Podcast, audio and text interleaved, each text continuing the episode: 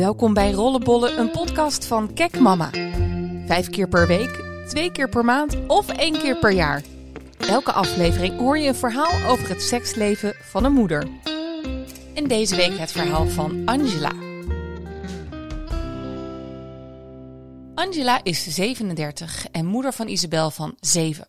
Ze is getrouwd met Bert, maar sinds twee jaar heeft ze ook Joost in haar leven. Mijn hogere seksfrequentie komt door de wekelijkse uitstapjes naar mijn vaste minnaar.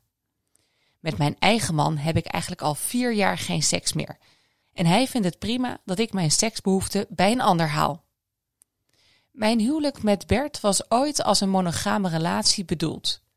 We hadden in het begin ook samen seks. Niet heel denderend, want Bert's libido is nooit heel erg hoog geweest. We deden het één keer per maand en vooral op mijn initiatief. De eerste kink in de kabel kwam toen ik ernstige hartproblemen kreeg. Ik was net negen maanden moeder van Isabel en voor mijn eigen gevoel kerngezond. Maar toch bleek dat mijn hart faalde. Ik moest een hartoperatie ondergaan en daarna revalideren. Mijn toekomstverwachting was laag, dat zeiden de cardiologen. Maar na een jaar knapte ik wonderbaarlijk op en zat mijn hartfunctie alweer op de helft. Na twee jaar durfde ik alles weer te doen. Toch stokte het aantal keren seks in het jaar. Na mijn herstel deden we het slechts nog op hoogtijdagen.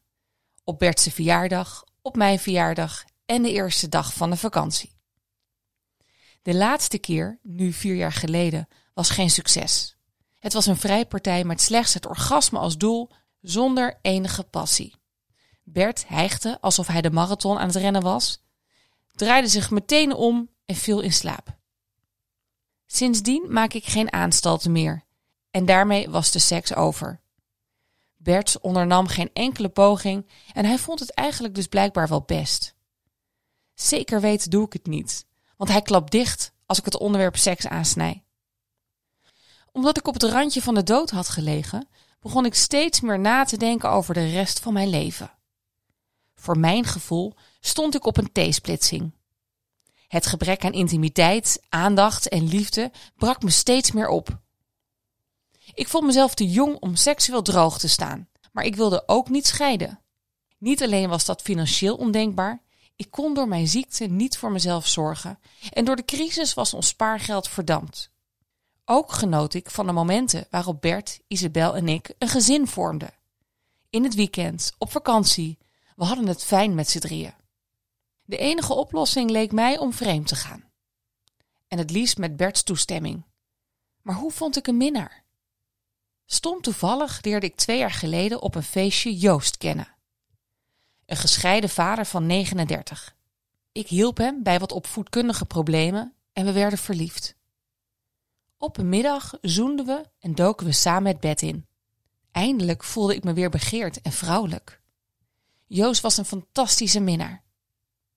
Na die ene middag gingen we helemaal los. Voor mij reden om snel Bert in te lichten. Ik bracht het bijna als een soort van zakelijke boodschap. Aangezien er tussen ons geen seks meer is, vrij ik af en toe met een andere man, had ik gezegd. In de eerste instantie was Bert kwaad, gefrustreerd en verdrietig. Maar dat zat hem voornamelijk in het bedrog. Hij was niet zozeer jaloers, niet op het lichamelijke aspect ervan. Gelukkig duurde zijn boosheid niet lang. Eindelijk voerden we weer eens goede gesprekken. Over wat we misten bij elkaar en wat we verwachten in onze relatie. Bert biechte op dat hij contact had opgenomen met een mediator over de kosten van een mogelijke scheiding. Maar toen zij hem alles had voorgerekend en hij besefte hoe weinig hij zijn dochter nog zou zien, bond hij in.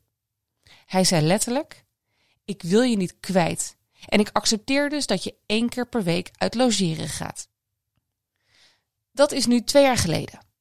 En sindsdien ga ik om de week op zaterdag met mijn koffertje naar Joost. Het draait al lang niet meer puur om seks. We koken, we borrelen, eten samen en liggen verstrengeld op de bank. Bert heeft een hekel aan friemelen en kriebelen. Joost en ik kunnen dat urenlang. En het liefst terwijl we serietjes aan het kijken zijn. En uiteraard hebben we ook hete, passievolle seks. Een vrijpartij duurt bij ons zomaar een uur. Bert lijkt helemaal oké met mijn dubbelleven.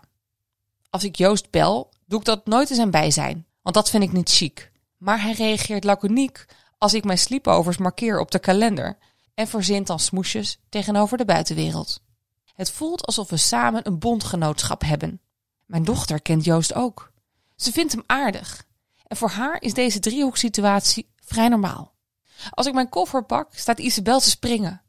Jippie, mama gaat weer naar Joost. Dan mag ik bij papa slapen. Natuurlijk zou ik liever hebben gehad dat ik in één man alles kon vinden. Ik kan ook wel heimwee hebben naar wat Isabel, Bert en ik hadden. Maar op zich is deze combinatierelatie ideaal. Bij Joost zou ik bijvoorbeeld nooit de intellectuele aansluiting vinden die ik bij Bert wel weer heb. Joost is kaal, zit onder de tatoeages en is een echte herrieschopper.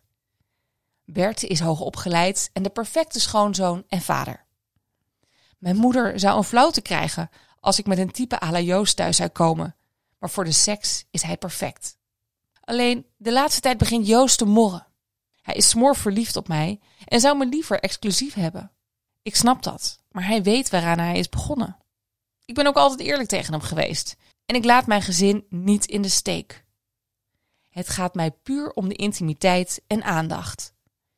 Heel egoïstisch misschien, maar ik vind het heerlijk om een dag in het middelpunt van de belangstelling te staan en niet alleen te hoeven moederen en zorgen. En dit was hem weer. Volgende week het verhaal van Lotte.